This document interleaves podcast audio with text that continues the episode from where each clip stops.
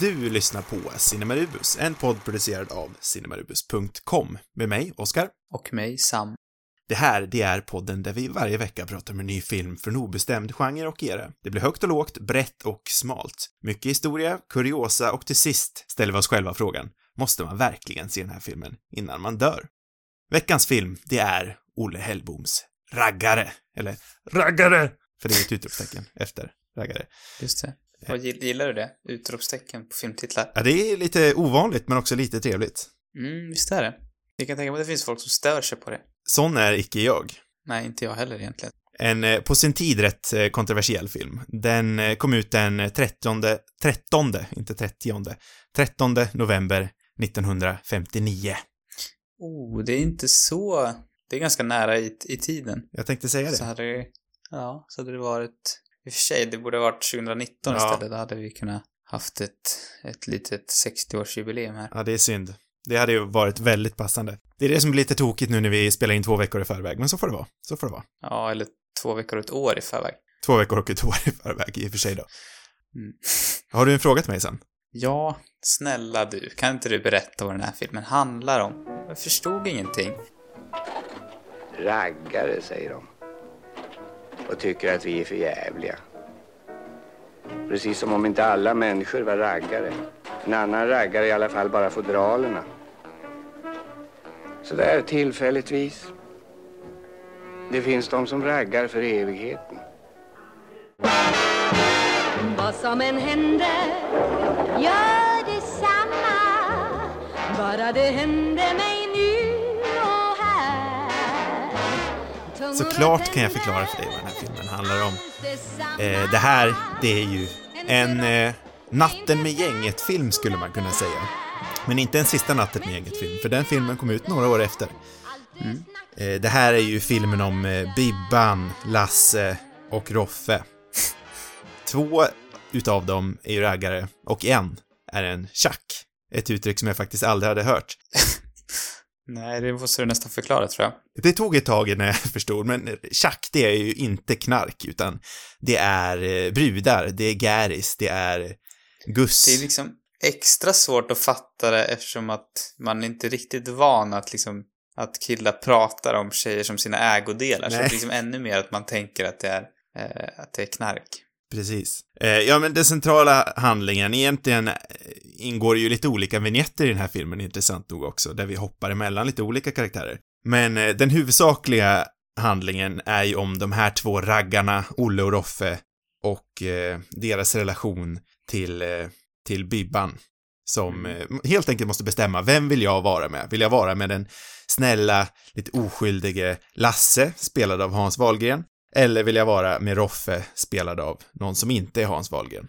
Mm. Och Bibban, det är ju Kristina Skolin också. Historiskt relevant film det här och ger oss även en väldigt bra möjlighet att prata om nutiden genom dåtiden. Någonting som jag tycker om att göra. Mm. För eh, Kristina Skolin och Hans Wahlgren, de är ju relevanta än idag. På vilket sätt? Ja, de är ju, de är ju influencer, eh, influencergrundare. Anledningen varför det svenska, eller jo, det svenska mediesamhället ser ut som det gör idag är ju tack vare Kristina Skolin och Hans Wahlgren. Utan deras samlag för, eh, ja, 60 år sedan nu, så hade vi inte haft Pernilla Wahlgren, vi hade inte haft Niklas Wahlgren, vi hade inte haft Linus Wahlgren.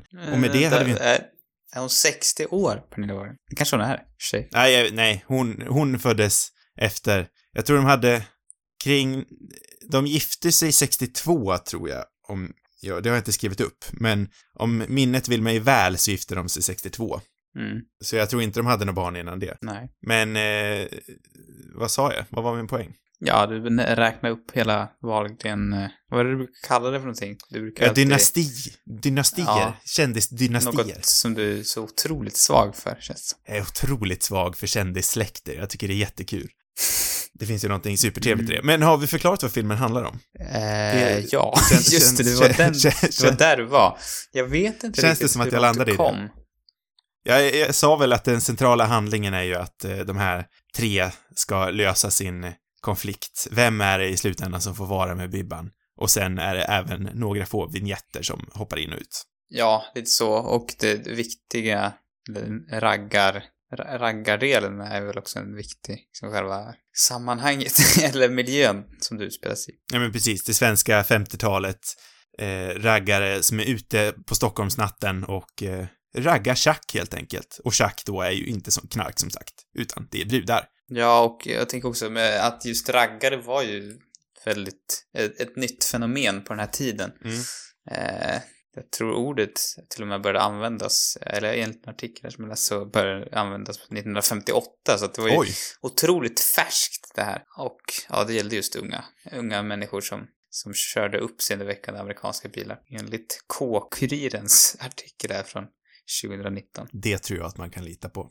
Ja, därför minns vi värstingåret 1959. Skinnknuttar, raggare och rock'n'roll. Åh jävlar, den artikeln ska jag läsa. Mm, ett tips. På tal om namn, den heter ju inte raggare i alla länder den här filmen, utan den har ju även lite roliga namn runt om i världen. I Storbritannien så har ju den här filmen ett annat namn som jag tycker är rätt coolt faktiskt. Där heter den tydligen Mm. Black Jackets. Det låter som Blackjack.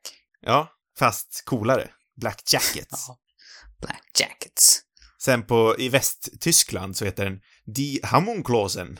Ja, det säger inte jättemycket. Nej. Eh, sen är det Hurjat på, fin, på finska och raggare i Danmark och i Norge. Men eh, den hade även ett annat namn i Danmark. Och det är det bästa namnet, det är därför jag ens ville nämna det här. Mhm. Eh, den har ju där även underrubriken raggare bindestreck ungdom, fart och sex. Fat O6. Ungdom, fart och sex. Raggare, ungdom, fart och sex. Vad är liksom... Vad, vad säger man på engelska egentligen? Vad är ragg... Vad, finns det någon... Är jag bara helt dum nu, eller vad är liksom direkt... Finns det någon direktöversättning på raggare? Det måste du ju göra. Jag menar, det är ju Det där... känns också som ett så jäkla svenskt fenomen. Ja, för det är ju, det är ju ett svenskt amerikanafenomen. Det är ju liksom Ja, exakt. våran svenska romantisering av den sven, av svensk americana. Men det, är- alltså, det är ju inte som att den här, den här kulturen existerar ju även där.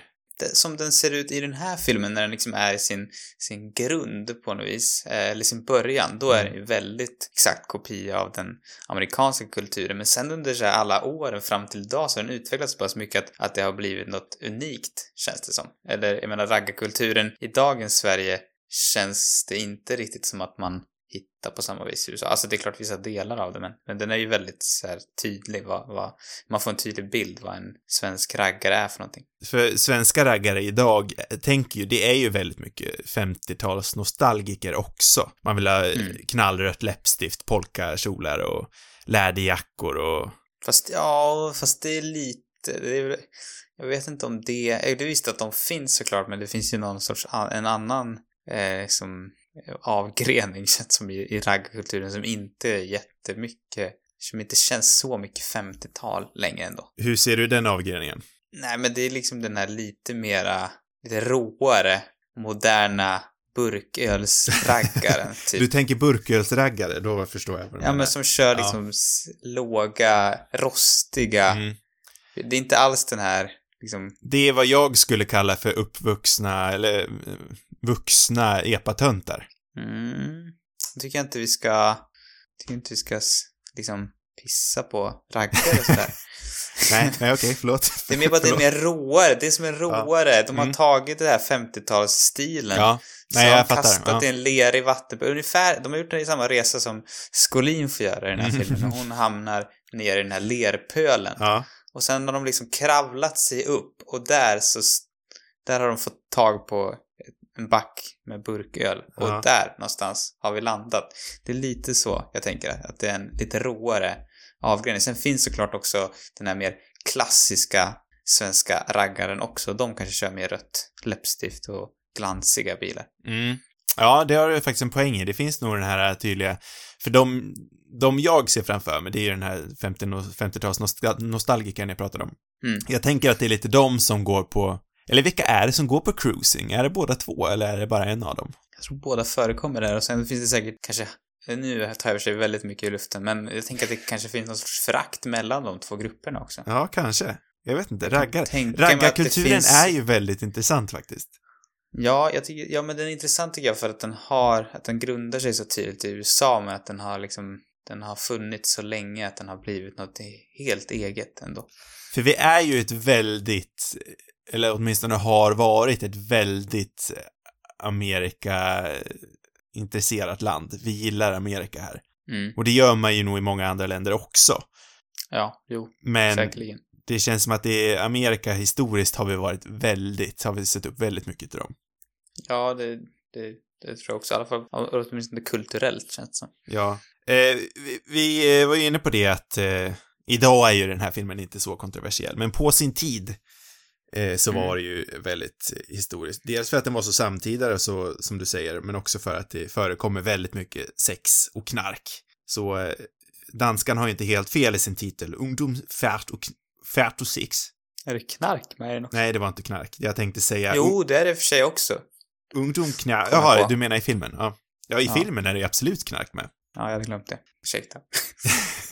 Det är ju hela... Slarvigt av mig. Det är en av de här vignetterna då som faktiskt eh, kliver iväg lite grann från eh, den centrala kärleks eh, trekanten. Det är ju Anita Walls eh, eh, underhandling, eller vad vi ska kalla det för, hennes subplot.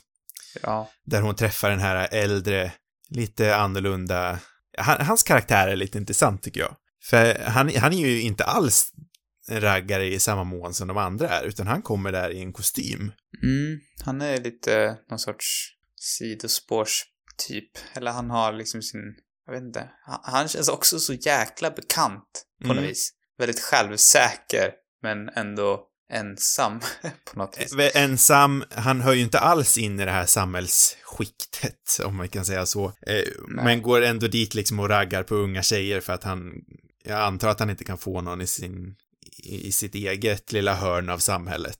Ja, det är lite den känslan, Det är så jag, det är den vibben jag får i alla fall. faktiskt.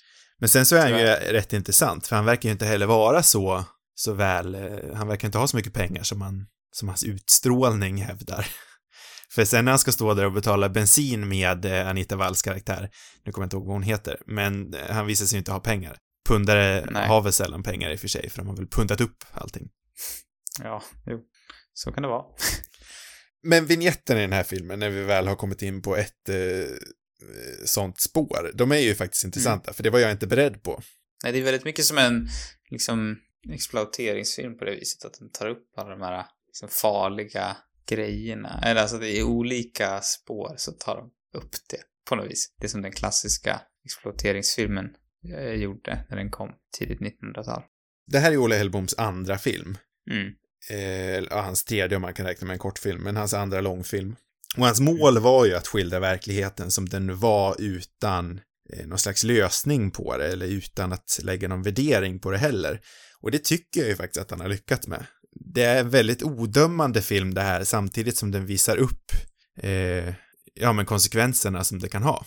Ja, exakt. Jag får inte intrycket av att vi kollar ner på de här karaktärerna alls. Nej, nej.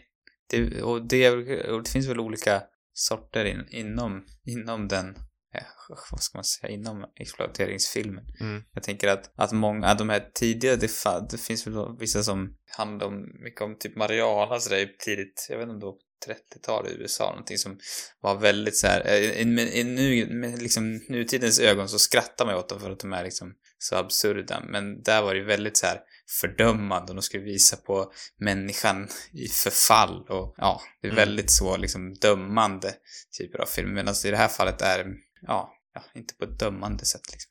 Ja, men och i, i och med att han också vill skildra ja, samtiden då för honom, eller dåtiden för oss, eh, så får han ju, det är väl antagligen därför han har med alla de här olika vignetterna, att han vill visa hur det går för Anita Waldo till exempel, som är minderårig, som eh, lyckas hamna i det här raggargänget då, för henne går det inte så bra den kvällen. Eh, man ser de här raggarna, man ser, följer även med några barn, Mm.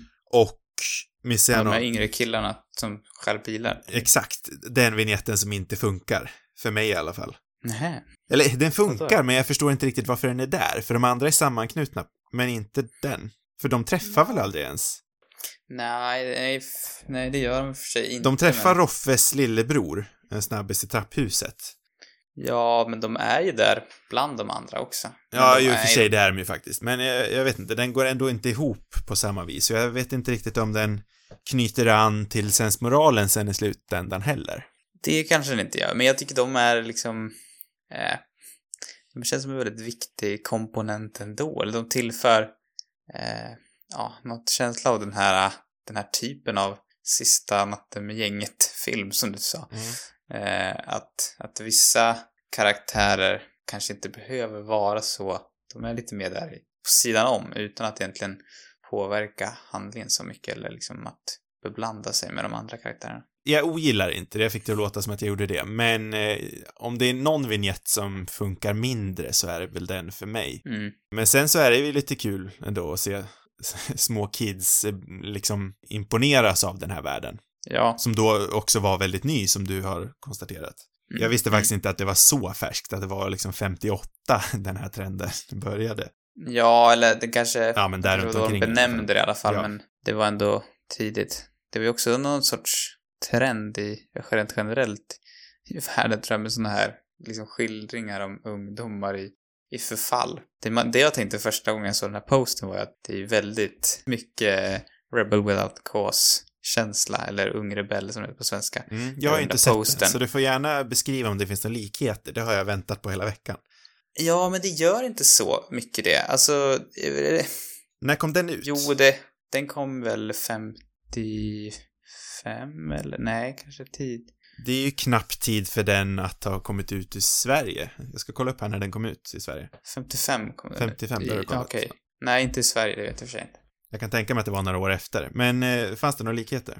Ja, inte så mycket liksom. Det är, de kör gamla bilar, det är ungdomsgäng och det, det är liksom eh, folk utsätter varandra för grejer och ja, nej men ja, i det stora hela så tycker jag den har mycket mera likheter med Sista natten med gänget eller American Mm. Graffiti. Men den kom ju ut rätt långt kom. efter den här. Ja, den kom ut 73 liksom. Precis, så, att- det är nästan så att man undrar om, om eh, en ung George Lucas som jag vet var väldigt intresserad av världsfilm eller film från andra länder, internationell Mm. film. Man kan ju nästan undra om han har sett Black Jackets, som den då hette för honom. Ja, eller om det finns någon annan amerikansk film som är mer, eh, som är lik den. För att den här känns ju väldigt mycket i, i samma, liksom, hjulspår, eller vad man ska säga. Ja, för det är samma liksom bilkultur. Eh, Mm. Sista natten med gänget utspelar sig också på 50-talet. Den utspelar sig under en natt, det är olika karaktärer vi följer. Det är ju väldigt likt. Ja. Den här är väl om något kanske lite mer vågad, skulle jag säga. Ja, och det kanske finns mer likhet med Rebel With- Without Cause, tycker jag. Mm. Att den är lite, att den är mer besläktad. Den, att den känns mörkare, liksom. Mm. Och att, eh, ja, mer allvarlig. Nej men, det, visst det finns likheter men inte, inte så mycket som jag hade tänkt mig när jag såg den där posten. För han har ju verkligen, han har, på posten har han ju en röd Ja, skjorta som är väldigt lik den som han är ju James också Dean rätt lik James Dean. Ah, I alla fall på posten, tycker jag. Ja, i och för sig, det är kanske en tecknad, det är kanske den där stilen som gör det. Men också den där ciggen, den, den bästa scenen nästan i, i Ung Rebell är ju när Deans ska köra mot ett stup, eller de ska racea mot ett stup och han sitter i, i den här bilen och röker en cigarett och han har på sig den där jack, röda jackan. Eller ja, den har han väl på sig hela filmen. Men, så det, ser väldigt mycket ut som den scenen. Jag kanske borde nämna att Roffe, han är spelad av Bill Magnusson, så att vi får hans namn nämnt. Mm. För det har jag inte Ja, sagt. vi har ju nämnt de två andra stora. Precis, men Sen- för det är ju de Hon två som som... spelar Ann-Marie också, hon unga tjejen. Hon, Ja, det är ju Anita Wall Hon som jag spelar- nämnde tidigare. Ja, det kanske du sa Ja. tidigare, just det. Ja, för henne känner man ju också igen. Ja, hon är ju faktiskt känd än idag. För Bill Magnusson är ju inte det. Han eh, var väl med i några fler grejer, men han är ju inte den man känner igen. Han är ju inte direkt folkkär Nej, i samma mån som de andra är. Ja, precis. Bill Magnusson gjorde en Åsa Nisse-film ett, året efter. Mm, just det. Åsa Nisse som polis. Utöver, nej, utöver det har han inte ens gjort någonting mer. Vi borde nästan prata om, om Olle Hellbom också, regissören av den här filmen. Ja, och det är ju det mest fascinerande för mig. För Olle Hellbom är ju familjefilmens, inte urfader, för där har vi ett annat namn som jag vill att vi ska prata om någon gång i framtiden i ett poddavsnitt. Men Mm. han är ju barnfilmens liksom definition i Sverige, eller familjefilmen. Ja, han har ju i, princip liksom själv skapat bilden av hur svensk familjefilm och svensk sommar och eh, ja, bilden, allmänna bilden av den svenska helyllesommaren har ju Olle Hellbom skapat i och med att han, att han har regisserat så otroligt många Astrid Lindgren-filmer. Han har gjort tio Astrid Lindgren-adaptioner på film och tre tv-serier. det känns knappt som det är någon av dem som han inte har gjort. Men är, är det typ Ronja det Mio Rövardotter. Mini Mio som han inte har gjort och Ronja Rövardotter? Det kom ju ut några filmer. Det, det fanns ju en, en eh, Rasmus på luffen, en tidig Rasmus på luffen som han inte hade någonting att göra med. Så han har, det finns Mm, absolut andra adaptioner. Men det känns lite grann som att han kanske började, för i och för sig så hade han gjort, han hade gjort eh, en Astrid Lindgren-filmatisering innan den här, Mm. eh, som Mästerdetektiven blev farligt. Precis, och den blev han ju i princip mest bara inslängd i. Det var en ren Mm. slump att han fick den. Det var inte en plan att han skulle liksom bli en barnfilmsregissör. Eh, För hans första kortfilm blev ju prisad i Cannes det året. Jag tror att den vann Mm. för bästa kortfilm. Och sen så var det någonting med en strejk, om jag förstod det rätt, som gjorde att Mästerdetektiven, eller vad heter den? Mästerdetektiven blev farlig. Jag vet inte ens vad det är för, vilken karaktär är, är det? Jag har aldrig läst dem Blomqvist? där. Ja, precis. Jag tror det är Blomqvist. Jag har Just aldrig det. läst dem. Jag har jättedålig koll på de filmerna. Ja, jag tror jag har sett någon nyare film som, eh, där finns det någon nyare film med eh, Christer Henriksson som han är med? Kanske. Som sagt, jag har superdålig koll på dem. Eh, det var i, men som sagt, det är i princip en slump att han fick den filmen då. Eh, som han i sin tur också gjorde lite kontroversiell eftersom det var med ett, det figurerade ett mord i den här barnfilmen som många då inte tyckte var okej 1957 eller när det var, däromkring. Mm, just det. Eh, men sen har jag tyvärr inte hittat någonting. Det är svårt att hitta info om sån här gammal svensk film tyvärr. Mm. Men jag hade gärna velat vetat hur resan sen gick till Raggare. För det är ju hans andra film. Men det känns som att han lite, för han gjorde också, alltså tidigt, han började som någon sorts, delvis i alla fall som dokumentärfilmare också och gjorde ju eh, filmer om bland annat arbetarrörelsen Mm. och så vidare. Så att han hade ju lite, det känns ändå som att han kanske hade den, den, vad ska man säga, vinkeln lite grann som ändå passar väldigt bra med att ta sig an raggare. Det här liksom socialrealistiska. Han var en sån här old fashioned socialdemokrat. Eh, han gjorde till och med reklamfilm åt Socialdemokraterna. Mm, just det. I den mån att alla i Sverige typ var socialdemokrater. Men han var nog lite extra om jag förstår det rätt. Ja, men så det känns ändå som att det fanns där. Och sen, men sen tänker jag över de här Astrid Lindgren-filmerna, att han liksom bara hamnade där. Sen tog han sig inte ur det. Eller han kanske fick så mycket... Det måste ju också varit en... en otro, alltså det måste ju varit rätt häftigt att ha det otroliga förtroendet som han ändå fick. Eh, att jobba med de filmerna. Mm. Anledningen till varför han fastnade i det här Astrid Lindgren, nu kallar jag det träsk, men han trivdes väldigt bra att vara där. Så jag vet inte vad, vad Ja. man ska kalla det för riktigt. Men anledningen varför han hamnade där eh, hävdar hans bror då i en dokumentär som heter Olle Boom. Eller Olle Boom, inte Olle Boom. Mm. Eh, för övrigt, det kan jag... Jag flikar in det nu, men det är min eh, rekommendation. Eller jag kan kasta in en Mm. till också, men det här är en snabb rekommendation. En eh, dokumentär som finns på Vimeo. En timme Ja. eh, som heter Olle Boom. Gjord Mm. av hans son, Jan Hellbom. Eh, där flera svenska stora namn, eh, eh, Björn Gustafsson till exempel och Valdemar Bergendahl och flera svenska filmgiganter är med eh, och pratar om det här. Men eh, Olle Hellboms bror menar att eh, anledningen till varför han skildrar de här barndomsåren är för att han ville visa, eller han ville liksom leva ut sina sådana här barndomssomrar som han själv aldrig fick ha eftersom han var sjuk väldigt mycket. Mm. Eh, Olle Hellbom gick i princip hela sitt liv med en käpp om jag förstår det rätt. Och det var på Mm. grund av att hans, han eh, opererade sitt ben och eh, låg hemma på sjukhus i, i, i princip ett år under barndomsåren. Och då menar då hans bror att han genom de här filmerna levde ut sina barndomssomrar. Sen vet jag inte hur mycket det ligger i det. Det är ju såklart hans brors tolkning av det hela, men det kan, låter väl inte orimligt. Nej, men det kanske liksom var flera grejer som, som spelade in där. Eh, kan jag ju tänka mig. Sen var, var ju även Olle Hellbom och Astrid Lindgren väldigt, väldigt bra vänner och då var, de kom otroligt bra överens. Men det känns som, det är liksom också en, måste, eh, alltså Astrid Lindgren är väl en av Sveriges mest hyllade och älskade liksom personer genom Mm. tiderna mer eller mindre. Så, Gud ja. eh, så att det är också liksom den äran på något vis att få axla typ alla hennes eh, böcker. Eh, den var säkert svår att tacka nej till också. Nej men det, det är intressant, men det känns som att den här, för det känns, det känns också på, delvis känns det lite synd att han, att han fastnade där för att, eller, han har ju såklart gett eh, Sverige massor av här, härliga filmer och han har ju eh, säkerligen liksom bidragit väldigt mycket av den bild man har idag av Astrid Lindgren med, med alla filmatiseringar och sådär. Men just eftersom Raggare har den här mera eh, vuxna seri- liksom allvarliga approachen så hade det varit kul att se honom liksom ta sig an ett till sånt projekt. Och, och det, det gör det på att jag tyckte den var, liksom höll så pass bra än idag, den filmen. Ja, får jag säga att jag tyckte faktiskt den här filmen var väldigt bra. Ja, alltså det, jag kan bara instämma. Eh, Jag, jag, när jag såg posten första gången så var jag, blev jag rätt sugen, men, men det är ändå en så här äh, viss skepsis Ja, såklart.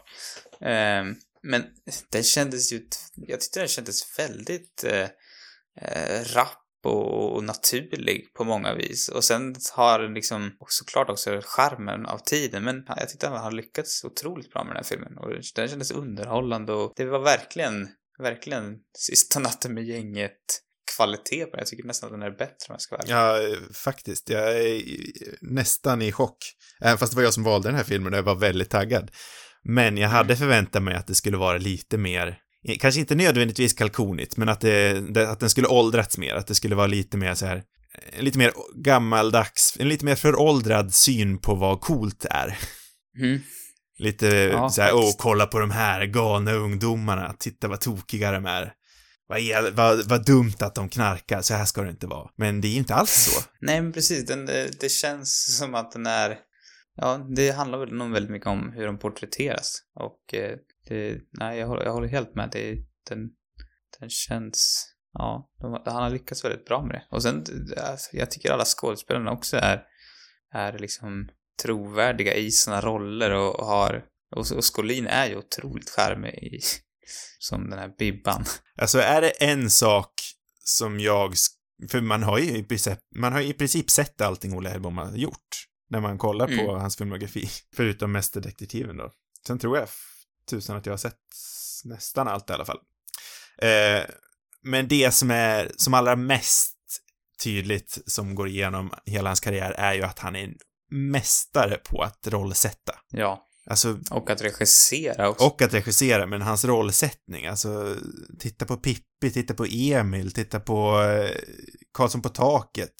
Alltså det är ju, finns det en anledning varför vi kommer ihåg dem än idag och det är ju mycket på grund av rollsättningen. Ja, men han har en förmåga liksom att titta de här skådespelarna som kan förkroppsliga en karaktär som på något vis kan förevigas och de känns alla unika på, på något vis. Och jag vet inte, han lyckas, alltså för att jag tänker att mycket av Astrid Lindgrens arbeten är väldigt svåra att översätta till film. Mm. Eller det känns... Ja, det, det, känns, det känns inte som att de böckerna är... Både för att de är ganska fantastiska, alltså i rent... Alltså i fantasi, eller vad man ska Mm. säga, men, men också de här, att det bygger väldigt mycket på otroligt charmiga eh, karaktärer och speciella karaktärer. Och att, att lyckas så väl som han har gjort. Jag vet inte, jag tror man tar väldigt mycket för givet också, Mm. eh, de här Astrid Lindgren-filmerna. Det är svårt att se någon annan som har lyckats så väl. Och det ligger väl både såklart i att, att böckerna är, är vad de är liksom. Men jag tror, ja men hans regiarbete. Ja, ja, det är inte att underskatta. Det jag vill komma med den här rollsättningsharangen är ju att Kristina Skolin, Bill Magnusson och Hans Wahlgren i den här filmen är ju superbra. Mm. Jätte, jättebra och man ser ju verkligen kemin mellan Hans Wahlgren och Kristina Skolin. Ja, ja. För de hade ju varit ihop här sedan tre år tydligen. Jag hade ju tänkt att det var på den här, att det var i den här filmen de träffades. Inte helt orimligt. Så var det icke. Så var det icke. De har ju tydligen varit ihop sedan de var 19 bast. Och är gifta än idag. Det är ju rätt, eh, eh, ja, det förekommer nog inte så ofta.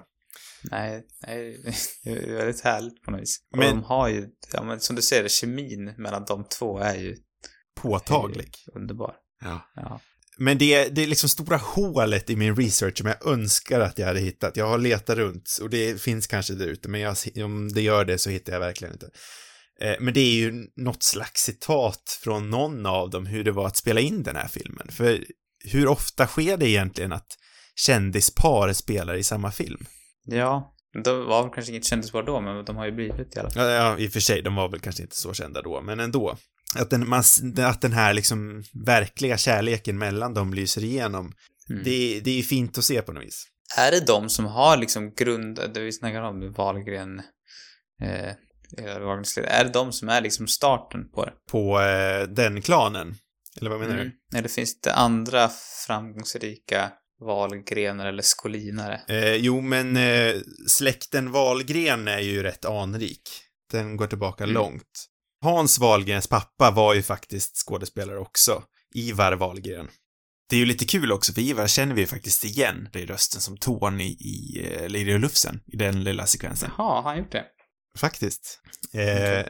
Och, eh, men Wahlgren gifte ju sig, eller Ivar Wahlgren gifte sig med Nina Schiena, någon italienare. Sen fick ju de, som sagt, Hans Wahlgren och som gifte sig med Kristina Skolin, som fick Peter, Linus, Pernilla och Niklas, som i sin tur fick barnen som vi känner än idag. Än idag. Än idag. Nej, men, eh, ja, nej, så det började väl tekniskt sett inte med Hans och eh, Kristina, men de är väl de två som har varit mest eh, tabloid omskrivna. Mm. För det har ju, det har ju skrivits otroligt mycket om, om dem också. Så mycket som det skrivs om Bianca och eh, eh, Benjamin idag har ju även skrivits om Pernilla såklart och det har ju lika så skrivits om Kristina och Hans. Ja, man undrar vad det var som fi- fick dem att bli så intressanta, liksom, för media. Ja, men för Kristina ändå, hon har ju varit en skådespelare utav högre status, om jag får säga så, än vad Hans Wahlgren är. Sen tycker jag faktiskt att Hans Wahlgren också är väldigt bra här. Det tycker Mm, jag men inte. det är ändå uppenbart att Skolin är stjärnan. Ja, men Skolin är ju vad, vad engelsmännen skulle kallat för vivacious. Jag kommer inte på ett bra svenskt ord för det. Men hon är, Nej. hon är, hon är livlig, hon har en, hon har the it factor. Ja, Det- ja, men verkligen. Hon, hon har någonting som bara lyser genom skärmen. Ja, Även Hans tycker jag faktiskt är väldigt bra, men Hans har ju jobbat mer i, i farser och revyer på scen. Och sen i senare år även gjort otroligt mycket röstskådespel. Eh, alla vi 90-talister har ju hört Hans Wahlgrens röst ett flertal gånger. Oj, då kanske jag borde känna igen den bättre. Men den kanske har ändrats sen då. Jag har inte hört honom så jättemycket i... Hör du Professor Oaks röst från Pokémon i ditt huvud? Ja, nej, jag ju tyvärr inte det. Men jag, den kommer jag ju definitivt känna igen. Han ser nästan ut som Professor Oaks. eller? Faktiskt, faktiskt. Där har i alla fall Hans Wahlgren. Hans Wahlgren har gjort otroligt mycket röstskådespel. Som många av Wahlgrenarna har. Pernilla har också gjort jättemycket röstskådespel. Linus gör en hel del röstskådespel. Mm. Och jag tror även att Benjamin gjorde en del röstskådespel i sina yngre dagar, trots att han är rätt ung nu också. Ja. Han har varit med länge. Men Skolin, hon, har ju, hon är ju stor skådespelare. Hon har vi sett förr i Fanny och Alexander, hon har jobbat på den kungliga Dramaten, hon har gjort film, hon har gjort TV. Ja, Ja. mer utmärkande så kan det ju knappast bli.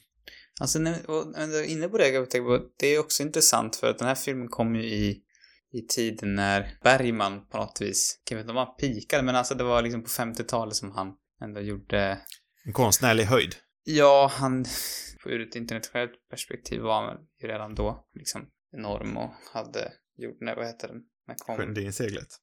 ja, kom 57 va, tror jag. Ja. Det är också så här, var, man undrar lite att om Hellbom hade kunnat gjort en, mer internationell karriär på något vis. Eller att han kunde ha fått mer internationellt, jag vet inte. Att så här, för att, eh, jag vet att Bergman gjorde något, något mycket utanför, att han gjorde något utanför Sverige, men han var ju liksom aktad, verkligen. Mm. Det var väl kanske Ja, ja. att han, Hellbom fastnade i just Astrid Lindgren-filmer. Men, ja, men jag förstår lite vad jag, vad jag är ute Ja, efter. jag förstår helt vad du är ute efter. Ja, och Astrid Lindgren är ju också liksom rätt, kanske inte välkänd runt om i världen, men hon är ju absolut internationellt. Eh, hennes böcker har ju distrib distribri Distributerat. distributerats eh, vä- världen runt, så eh, ja, nej, jag vet Ja. faktiskt inte. En rolig, en rolig liten så här sidnot där var Mm. att det var någon av de här Astrid Lindgren-filmerna som var den första filmen som, som svenska filmen som eh, distribuerades i Kina, tror jag. Jaha, ja. Det är på något vis ett bevis för stor runt om i världen. Mm. Ja. Alltså, jag vet faktiskt inte om Hellbom hade lyckats. För någonstans, det är ju en... s- Han är osynlig i viss mån. Eh, Det nämner de även i den här dokumentären. Mm. Att eh, Olle Hellboms signum är ju inte direkt i de här eh, handlingsmässiga flärerna eller hans, eh, eller hans eh, både spel och bildberättande, utan, utan han är mer subtil. Han är inte riktigt där. Bergman Nej, nej. är på skärm fast han är bakom skärm. Olle Hellboms briljans är ju någonstans att han försvinner. Det är osynligt. Vi, det är inte direkt som att han rör kameran supermycket eller han... Eh, Nej, men visst är det så. Man som ägnar sig åt, åt barnfilmen då under mer eller mindre hela sin karriär får väl kanske inte heller någon, något internationellt liksom genomslag kanske. Sen tycker jag, alltså det är ju, finns det någonting väldigt fint i hans enkelhet. För det är, Mm. jag tycker det är snygga bilder här. Jag tänker särskilt på, du har nämnt den här scenen, eh, nämnde den lite hastigt i alla fall när, Kristin, när Skolin får lera kastad på sig. Mm. Hon befinner sig i botten av ett dike, har blivit eh, utstött ur raggargruppen kan vi väl säga och så radar bilarna upp sig på något krön Mm. Eh, och så går de ut och alla börjar kasta lerklumpar på Kristina Skolin som sitter nere i vattnet. Eh, Och Ja. bara siluetten av alla bilarna uppe längs med där, jag tycker det är jättesnyggt. Ja, det är verkligen en häftig scen. Den känns ju faktiskt lite eh, ungrebellig på något vis. Gör det? Ja, eller det för där som jag berättade om den där scenen när de ska tävla mot ett stup. Mm. Då, då, då radar sig alla bilarna upp sådär efter, runt vid kanten så att den skulle möjligtvis kunna vara inspirerad men det är ändå väldigt häftig, häftigt foto där. Ja, alltså det förvånar mig inte om Hellbom har tagit inspiration, för han, han levde tydligen för film och var på bio åtminstone en gång i veckan. Mm. I alla fall under sina ungdomsår. Ja. Eh, Så det skulle inte förvåna mig alls. Men sen, utöver bara den där scenen, tycker jag det är mycket annat som är snyggt filmat också. Den här scenen när de är ute på båten på vattnet, det är jättefint. Mm. Eller alldeles innan det när eh, Skolin och Wahlgren sitter i bilen ihop, alldeles efter den här lerkastningsscenen. Ja. Enkel scen egentligen, men de sitter i bilen, det är kolsvart, men man, deras ansikten, eller deras huvuden lyses upp i bilen. Ja, De här bilåkningsscenerna känns också väldigt trovärdiga Ja. på något vis. Ja, det är inte det här vanliga liksom Hitchcock-aktiga jag tänker på när man sitter liksom och vevar eh, hejvilt med ratten trots att de åker på raksträcka. Ja, Det är inte riktigt det. Exakt. Jag vet inte hur de har filmat dem där, men, men det ser väldigt bra ut. Mm. Det, det är roligt på något sätt. Jag- jag- När jag ser den här filmen så är, blir jag liksom imponerad för att det, vissa är det många grejer som känns liksom, alltså det känns bättre än Hollywood på många vis. Det är som att Hollywoods, alla deras pengar och, och kunskap ändå slutar i något annat. Den här, alltså den är så, tycker den här är väldigt vass liksom, om man tänker på det. Mm. Att det är en film från lilla Sverige och när, och också liksom skådespelarmässigt, det är ju, den här har ju åldrats mycket bättre än vad Ung Rebell har gjort, tycker jag, rent liksom hur, den är väldigt teatral. Mm. Eh, och liksom, om man har sett den här klassiska scenen när James Dean Mm. skriker, vänta vad han skriker nu? Aj, eh, I used to be somebody I... Nej, nej, nu tänker jag på, eh, Nej. jag tänker på, på Marlon Brando nu. ja, nej, det är You inte tear det me jag apart. Ja, exakt. Alltså, hela den filmen är mycket mer så teatral. Mm. Eh, För när jag tänker svensk film, mina fördomar om svensk film, det är ju det här, eh, ja men det här du pratar om nu, det här Dramatenaktiga. Vi står och vi, vi uttalar orden ordentligt med tydliga R. Och vi, men vi talar liksom ut för allmänheten. Vi, vi har inte en naturlig konversation. nej.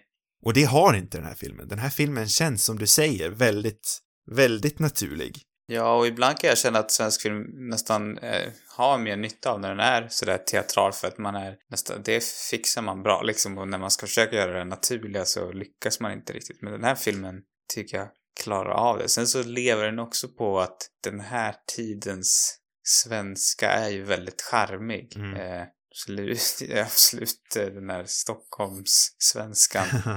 Ja, jag vet inte, den, den, är, den är ju väldigt underbar tycker jag. Jo men det är ju kul att höra liksom, ska vi ut och ragga lite tjack på stan nu då va? Det är jätte, det är ju Ja. charmigt att höra. Man blir ju lite Ja, varm i hjärtat på något vis. Mm, verkligen. Inte just kanske i hur man tilltalar eh, eh, kvinnorna som tjack och att eh, man Nej, ser ner på dem lite grann. är Men, ju inte något vidare. Nej. Det kan man väl lugnt säga. Men det är också någonting som ändå, som också tas upp. Så det, det är inte så att det inte, är liksom helt okommenterat. nej, alltså en av mina favoritscener i den här filmen är när Anita Walls karaktär kommer hem till sin mamma.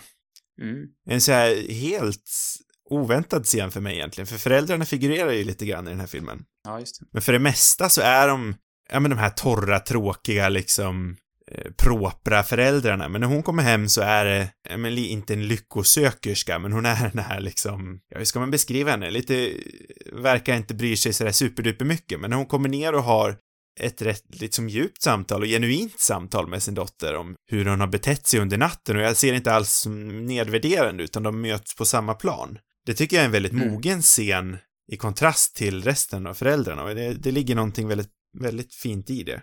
Den, Ja. Han jobbar på väldigt många plan, Hellbom här. Ja, väldigt imponerad överlag faktiskt. för att återgå lite till det här, till varför, eller om han ens var ute efter, men det här med internationella karriären, utan han stannade i Sverige. Men nådde Mm. otrolig framgång i Sverige också. Alltså, Olle Hellbom var ju svensk film i viss mån. Ja. Eh, för utöver sina många Astrid Lindgren-adaptioner så var han ju även producent och konstnärlig ledare på SF-film. Mm, okej. Eh, och hade på många sätt vis större inflytande än vad Svenska Filminstitutet hade Mm. över vad som, eh, vad som blev film i Sverige. Eh, så kollar man liksom på, eh, eh, vad heter de? Fem myror. Mm. Vad heter de grabbarna? Nu står det, ha, eh, Härenstam och Brännström? Nej? Ja, Jo. Brännström. Eh, deras filmer till exempel och alltså Tage-filmer var han också inblandad i och ja, han, han var liksom anledningen till vilka filmer det var som producerades i Sverige under många, många år. Oh, ja, det, det visste jag inte om faktiskt. Eh, så det kan ju också vara en av anledningarna till varför, nu vet jag inte ens om Hollywood kallade det, men det var ju inte direkt som att han, det det är inte, direkt som att han bara har gjort Astrid Lindgren-produktionerna, det är lite där jag vill landa. Nej, och han känner, men också bara tack vare Ast- Astrid Lindgren-produktionen så har han ju någon sorts, liksom, legendstatus. Mm. Vi har ju många år inom kulturbranschen liksom hyllat den här, ja men Bergman-karaktären, den här auktoritära konstnären som fick göra vad han ville oavsett hur elak eller nedvärderad han var. Mm. Nu vet jag inte hur Hellbom var egentligen, men utav det jag har förstått från den här dokumentären och lite andra grejer jag har läst så verkar han vara liksom otroligt snäll och duktig med barnen han har jobbat med också. Ja, Och man får ju den, alla. alltså, jag vill åtminstone tänka att det är, att det krävs för att få liksom fram den, de typen av prestationer han ändå lyckats så väl med i alla Astrid Lindgren-filmer. Och att, att Bergman nog hade haft jäkligt svårt att, att liksom lyckas med det. Det hade varit kul att se de två liksom byta plats med varandra om Bergman skulle liksom, att han skulle få regissera tio stycken Astrid Lindgren-filmer. ja, ja, den, den, den Skum verklighet. Vi I ser- och för sig är ju han rätt duktig med barnen i Fanny, Fanny ja, det jag Alexander. tänkte säga det. I Fanny Alexander så ser vi ju exemplet på när han faktiskt jobbar med barn. Jag tror inte det ser likadant ut som det gjorde när Hellbom gjorde det. Nej. Pippi och eh, eh, Tjorven var med i den här dokumentären. Tusan vad jag refererar till den. Men, eh, och de hade ju ingenting annat än gott att säga till dem. Tydligen så behandlade han dem mer som, han var, han var liksom den första eh, vuxna människan i deras liv som faktiskt inte behandlade dem som barn till viss mån. Absolut med respekt, men han var inte sådär daltande med dem. Nej. Och det var någonting de tyckte om, enligt dem i alla fall. Vi har ju varit inne mycket på det här med liksom hur mångfacetterad den här filmen är. Mm. Och hur, vilken nyanserad bild den ger på de här karaktärerna. Och den nyanserade bilden den som jag inte alls förväntade mig. Nej.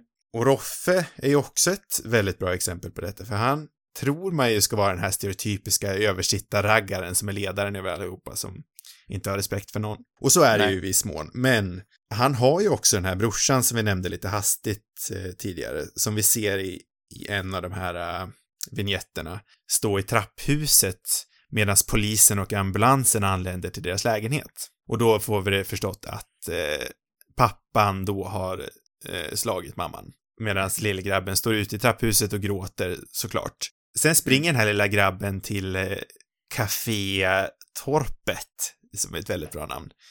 Ja. Eh, och Då då man nästan ska finnas på riktigt. Ja, man vill ju det. Det är för övrigt väldigt bra pubnamn i den här filmen. Det förekommer tre restauranger slash pubbar. Café Torpet, Sju sekel och Vapen med W. Uff. Väldigt, det väldigt bra namn. Eh, sen får vi i alla fall se den här lilla grabben springa till Café Torpet och där får vi reda på att eh, Roffe är hans storebror. Mm. Och det förmänskligar ju han också. För då ser vi att Roffe är faktiskt rätt bra med lillebrorsan åtminstone. Sen är det ingen ursäkt till varför han beter sig som han gör, men det ger ett djup till alla karaktärer. Ja, och det, jag tycker ändå det vävs ihop på ett väldigt liksom Ja, det, det är inte alls vis. påklistrat. Det är därför de är viktiga, de där små unga killarna som stjäl bilar också. Ja. Då kunde vi väva in det där snyggt. Nej, men, eh, nej men visst, jag tycker det är väldigt, en väldigt viktig detalj faktiskt. Och sen har vi ju liksom sensmoralen i den här filmen som allt, alltså det vill säga vad, vad, vad vill den här filmen säga? Vad landar den i? Vad, vad vill den berätta för oss helt enkelt? Mm. Och som sagt så vill ju Hellbom inte liksom komma med någon lösning eller några värderingar på det här och det gör ju att den landar i någon slags Eh, jaha, och det var det. Eller vad är det han säger, den här flipperkillen, som också är en vignett som återkommer. Det är en kille som eh, endast är intresserad av att se flipperspel under hela filmen. Ja, han är ju, han är helt underbar. Han är kanske jättebra. Ja, och det sista han säger är, jaha, så var det med det. Eh, han har liksom spenderat hela kvällen på att, på att, Försöka eh, vinna. för att Eller försöka slå vinna, rekord. slå rekord i det här flipperspelet. Mm. Och alla de här berättelserna landar lite i det här, jaha, så var det med det.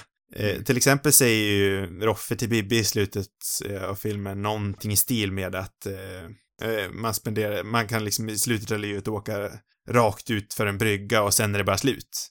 Det händer liksom inget Mm. mer. Det är någon slags eh, apatisk, apatisk behandling av att ingen, ingenting här i livet spelar roll. Nej. Och det som händer i den här filmen spelar inte heller någon roll. Det här är bara en natt. Ja. Dagen efter kommer allting bara rulla på. Och det, det finns någonting fint med att den här filmen inte försöker preacha för oss. Den, den, håll, den håller ingen livslektion på att så här ska ni bete er. Det är fel av de här ungdomarna att de gör så här. Utan det, man utvecklas. Mm. Nej men jag, jag gillar helt enkelt bara liksom att det, det här är ingen moral, moralberättelse. Nej, nej, men nej, precis. That we like. Har du några...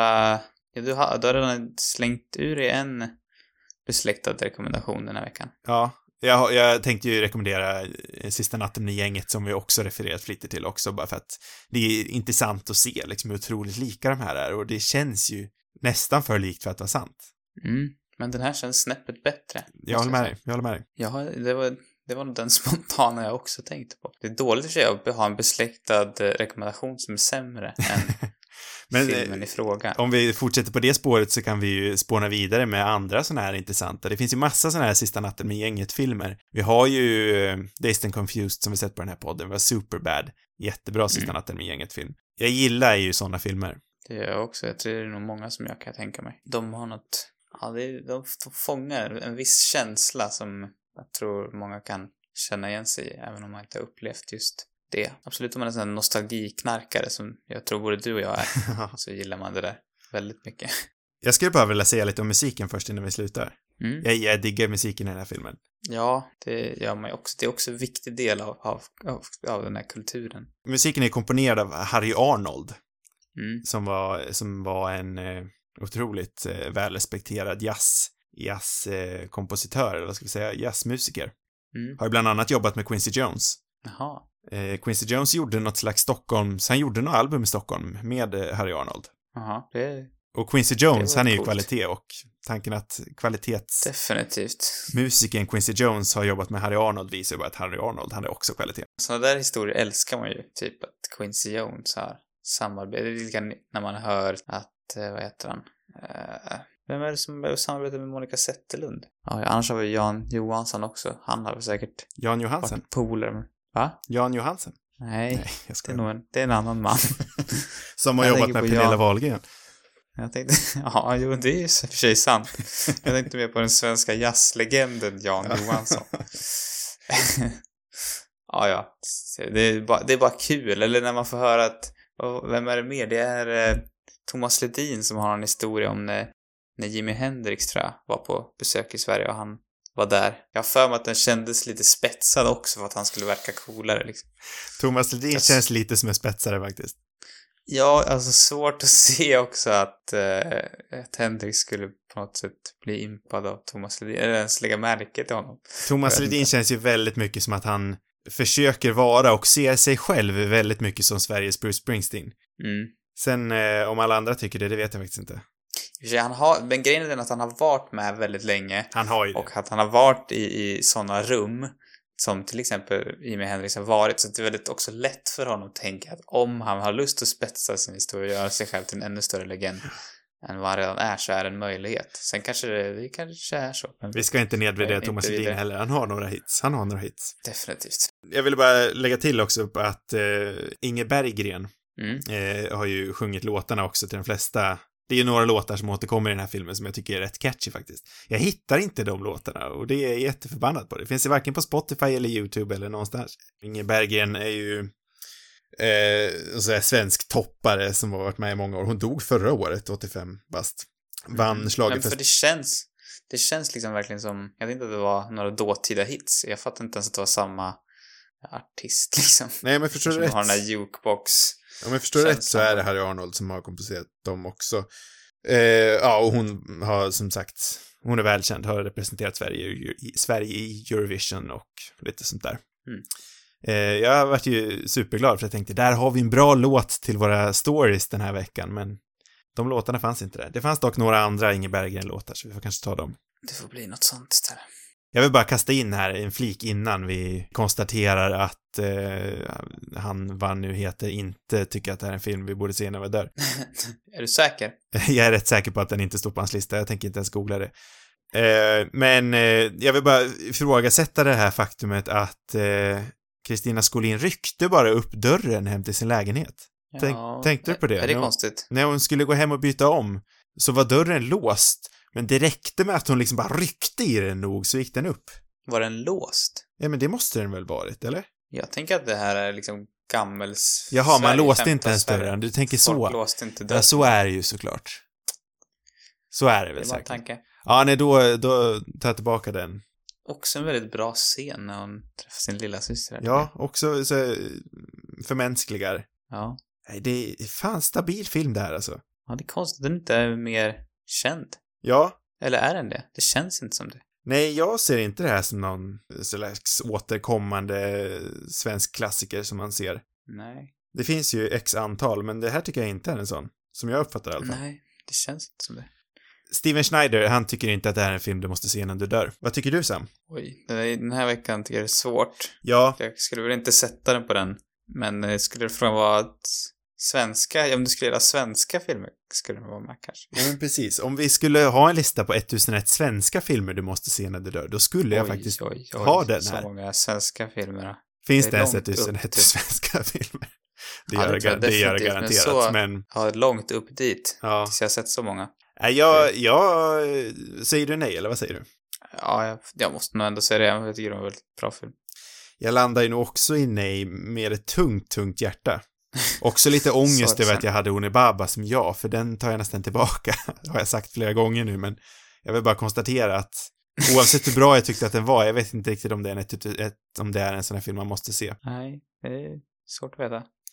Men eh, alltså, väldigt skarp film och det, det är lätt liksom att sätta den här stämpeln, det här är en väldigt bra svensk film.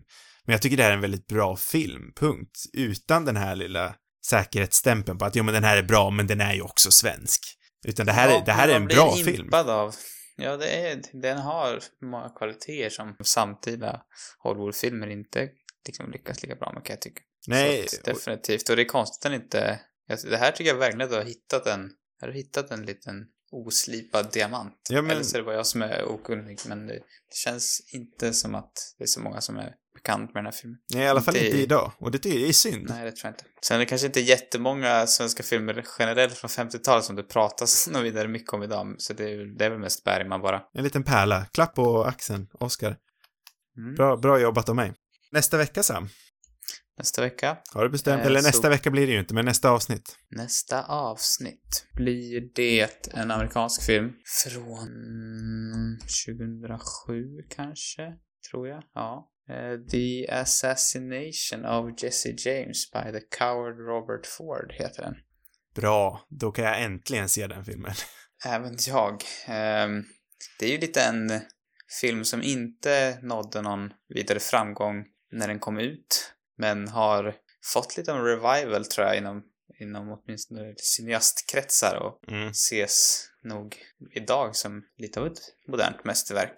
Det kan jag inte uttala mig om än, men, men det är jag är väldigt sugen på den. Både på grund av westernkänslan men också just av det och Roger Deakins foto, Brad Mm. Pitt, Casey Affleck. Ja, det är mycket ingredienser där. Kul att höra. Den har jag väl sett väldigt länge.